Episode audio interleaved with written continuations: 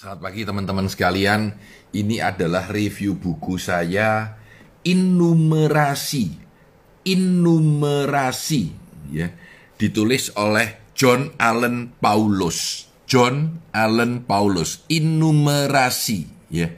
Mathematical illiteracy and its consequences. Jadi buku ini buku yang sangat tua, 2003, 2003 ya uh, saya beli di Surabaya Airport Oktober 2003 ya bahkan ada tulisannya on the way to Bali. Jadi ini saya beli di airport lalu saya terbang ke Bali dan di jalan saya baca dengan sangat sangat senang banget ya. Saya sangat sukanya sampai buku ini ya. Sampai akhirnya saya beli lagi buku berikutnya. Jadi ini buku berikutnya penulis yang sama ya, Mathematician reads the newspaper. Lalu beli lagi buku ini, Beyond Numerasi, penulis orang yang sama. Dan ini lagi, Once Upon a Number, John Allen Paulos ya. Tapi menurut saya nggak ada yang bisa ngalahkan ini. Ini adalah buku yang menarik banget tentang bagaimana kita itu lupa dengan angka. Ya, dalam kehidupan sehari-hari sering sekali kita itu saking butanya dengan angka sampai kita itu ngawur ya saya punya beberapa pengalaman yang menarik. Saya punya seorang karyawan lulusan S1 ya di salah satu kasir dari perusahaan saya. Waktu ada orang beli ya, ini ini saya sampai gumun ya. Uh, ini berapa satu? 50 ribu, beli 6 ya beli 6. Oh iya beli 6 ya. Uh, ini dikasih uang 300 ribu ya. Sebentar ya diambilkan kalkulator dan dihitung. 50 ribu kali 6 sama dengan 300 ribu. Baru diambil uangnya. Saya bilang gitu masa dihitung ya? Masa di 50 ribu kali 6 itu kok dihitung anak lulusan S1 ya? Saya bingung melihat itu. Nah, kita itu sering bilang bahwa saya nggak suka matematika, ya saya benci matematika. Padahal dalam kehidupan kita itu penuh dengan matematika. Ini salah satu buku yang menggugah saya untuk memikirkan tentang matematika dengan lebih jernih gitu ya. Kadang-kadang hal yang sangat simpel aja uh, dari data, dari uh, angka, dari segala macam itu membuat orang bingung. Contoh dia bilang ya. Uh, di tahun 1985 ya ada 17 orang mati gara-gara teroris yang terbang gitu. Padahal orang-orang yang di luar negeri, mati di luar negeri dari Amerika, di luar negeri Amerika. Padahal ada 28 juta orang yang keluar negeri.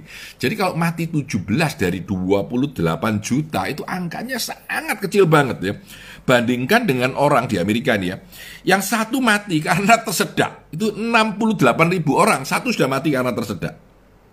Ya. Lalu orang kalau naik sepeda, ya katanya 75 ribu orang naik sepeda satu mati. Ya. 20 ribu orang berenang satu mati. Ya. Bahkan eh, apa namanya dalam mo tabrakan mobil ya itu 53 ribu orang satu yang mati. Jadi angka itu kadang-kadang membuat kita menjadi buta karena kita tidak punya sense ketika angka besar. Pak ini ada sumbangan 5 billion dollar. Apa itu? Tidak ngerti kita. Di luar eh, otak kita untuk memikirkan itu ya. Kadang-kadang ada sesuatu yang benar tapi tidak akurat. Dia bilang dikasih contoh gini ya. Uh, jumlah penduduk Surabaya itu lebih dari 10 ribu orang. Betul apa salah? Betul. Lebih dari 10 ribu ya. Padahal kan jutaan. Tapi lebih dari 10 ribu nggak salah kan?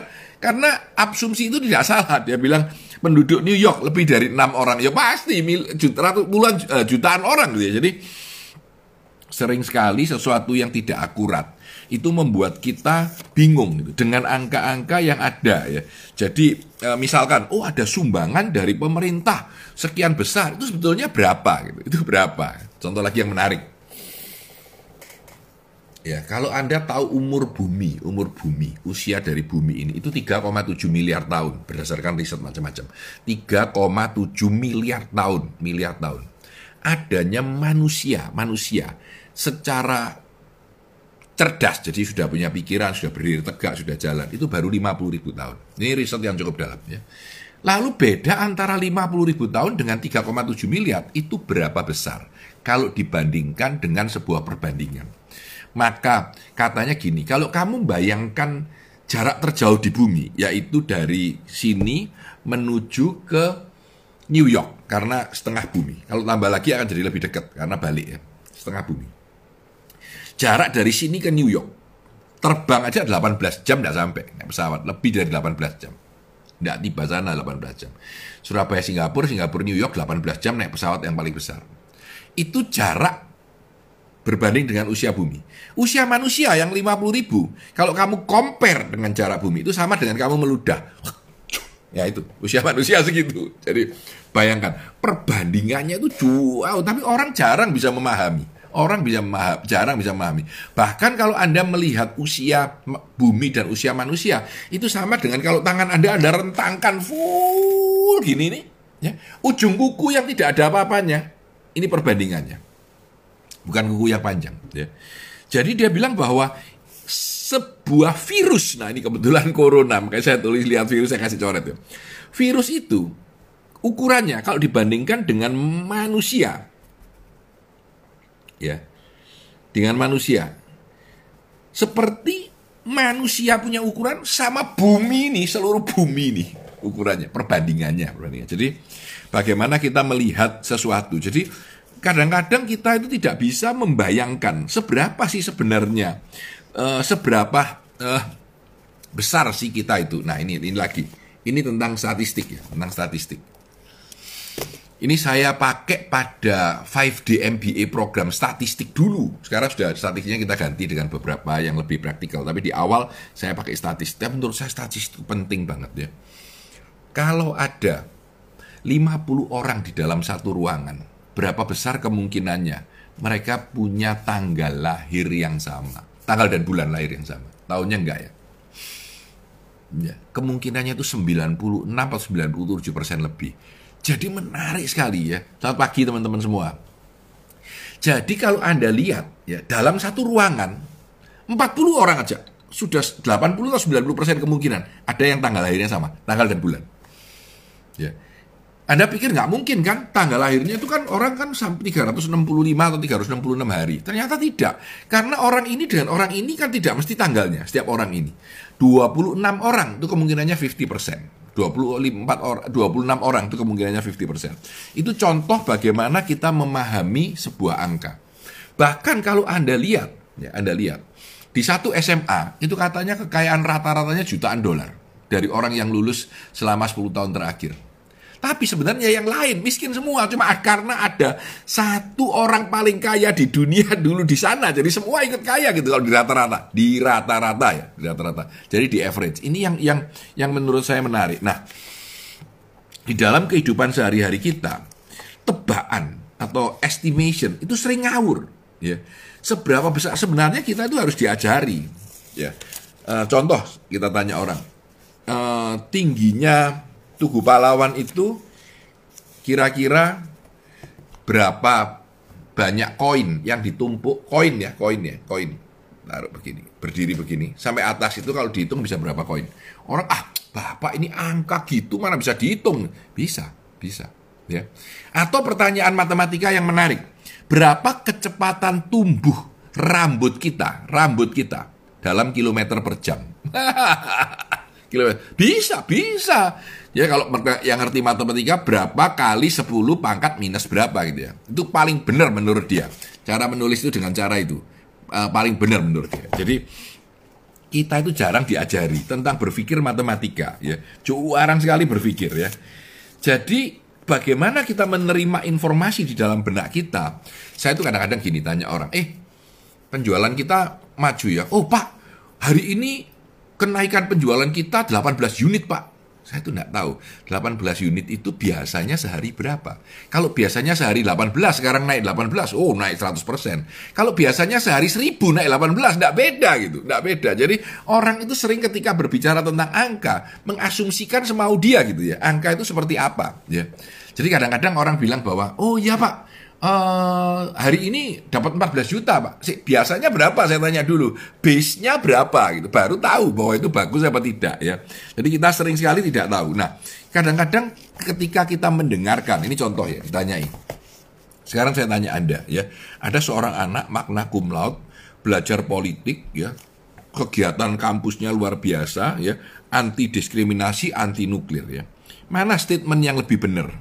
Ya yang lebih mungkin benar? Satu uh, Judi adalah seorang pegawai bank Atau B, judi adalah seorang pegawai, baik pegawai bank yang aktif di dalam pergerakan-pergerakan kemanusiaan. Kayaknya yang B lebih mungkin, tapi sebenarnya yang A lebih mungkin karena B ini termasuk bagian dari A. Ini contoh. Jadi sering sekali kita di dalam persepsi, di dalam cerita, di dalam segala hal itu membuat kita menjadi uh, tidak cerdas gitu. Kenapa? Karena kita uh, menggabungkannya salah. Jadi ada yang disebut dengan correlation, ada yang disebut dengan causation. Jadi kalau ini menyebabkan ini, contohnya, uh, wah pak, ini ini saya dulu sering pakai lelucon untuk bilang gini, orang itu enak naik mercy pak, karena orang naik mercy menjadi kaya. Kata menjadi itu yang berbahaya.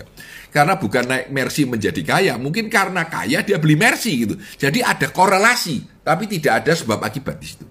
Ya, tidak ada sebab akibat. Nah, ini contoh yang menarik.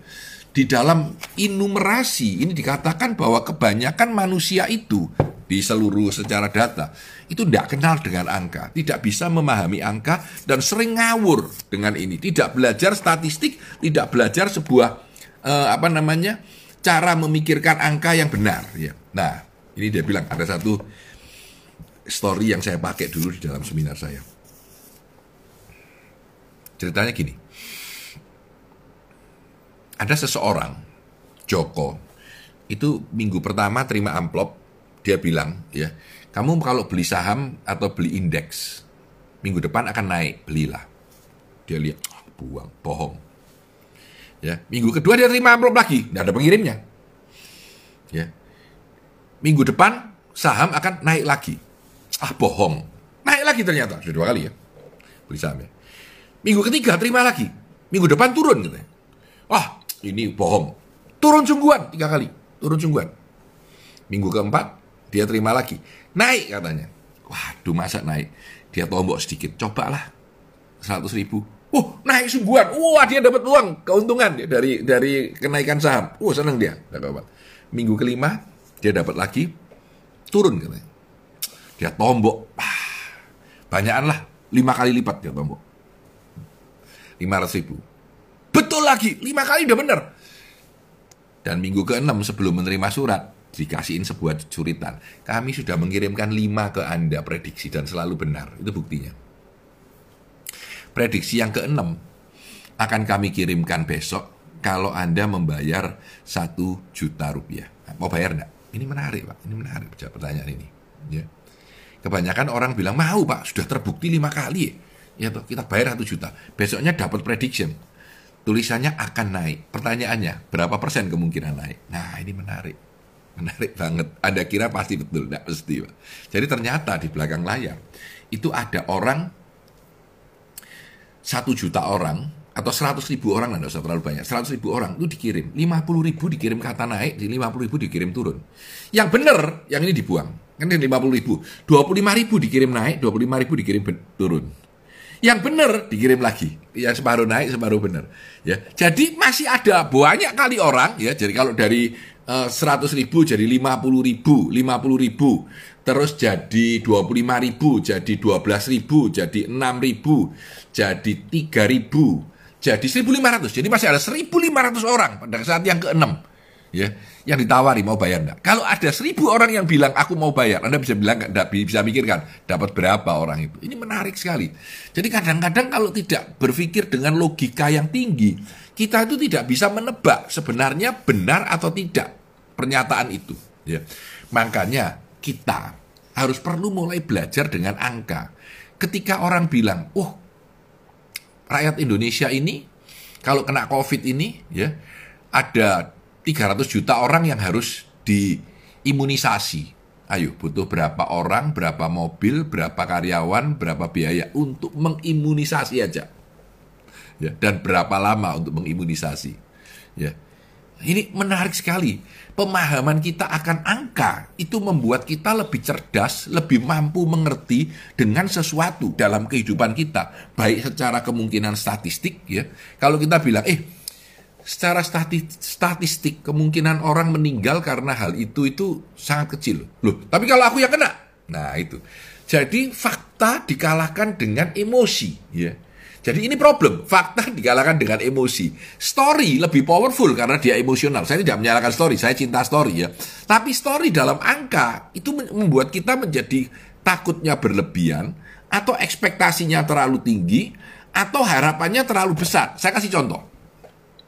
Ya. Orang-orang kaya di dunia, Bill Gates yang tadi saya cerita tentang um, orang SMA yang terkaya itu Bill Gates ya. Steve Jobs ya itu tidak lulus S1. Sekarang saya tanya ke Anda, Anda mau anak Anda lulus S1 sampai lulus S2 atau nggak usah kuliah kayak Steve Jobs aja? Nah, Anda bilang, oh iya Steve Jobs bisa kaya kok, saya mau orang anak saya kaya seperti Steve Jobs, nggak usah S1 gitu. Ternyata tidak. Kenapa? Karena dari 100 ribu orang yang tidak lulus S1, ya, yang yang sukses itu cuma sedikit banget. Sebaiknya semua orang yang lulus S2, ya, Jarang yang mati kelaparan karena tidak dapat kerja, asal mereka mau kerja keras. Ini yang menarik. Ya. Karena itu kenapa orang tua membuat anaknya sekolah dokter, insinyur, ngambil S1, ngambil S2. Karena mereka memberikan lebih banyak kemungkinan untuk dapat kerja yang cukup layak. Sedangkan orang yang cuma lulus SD atau SMP bukan tidak bisa sukses. Bisa saja orang lulus SD atau SMP itu jadi sukses besar. Tapi kemungkinan suksesnya jauh lebih kecil. Jadi ini probability ya. Inumerasi ini adalah satu buku yang cukup kaya banget. Ya, kaya banget. Jadi dia menggambarkan tentang angka dan dampaknya terhadap manusia dan cukup menyenangkan bacanya, padat banget ya. Saya ini senang baca ini ya. Tentang prediksi, tentang probability, tentang angka, tentang statistik, tentang um, apa namanya uh, society. Yang menarik adalah buku ini itu sebenarnya menjadi sangat terkenal di dunia. Mungkin sampai sekarang masih ada nih. Saya kayaknya masih kelihatan buku ini di toko buku Kinokuniya uh, tahun lalu ya. Walaupun usianya sudah 17 tahun ya. Tapi dia itu gampang dibaca untuk orang awam dan membuat kita sadar tentang pentingnya matematika dan angka. Matematika dan angka, ya. Menurut saya, mungkin salah satu sebab saya suka melihat angka, saya melihat eh, data, lalu melihat probabilitas, itu dipengaruhi oleh John Allen Paulus dalam bukunya Innumerasi. Ya. Nah, kembali ke dunia COVID sekarang, Anda harus mulai mikir kemungkinan bahwa COVID itu bisa segera hilang karena vaksin di Januari berapa persen? Kecil banget, kecil banget ya. Dan kira-kira seperti apa ekonomi kita pada akhir Desember nanti? Ya masih kecil dengan segala prediksi, dengan segala probability sebenarnya kita bisa memahami lebih banyak tentang kehidupan kita. Ya. Dengan memahami angka matematika, kita akan lebih mampu di dalam melakukan analisa terhadap kehidupan ini. Saya kira itu terima kasih semoga memberi inspirasi dan membuat Anda lebih mencintai angka. Saya Tanah Disantoso, sukses selalu untuk Anda.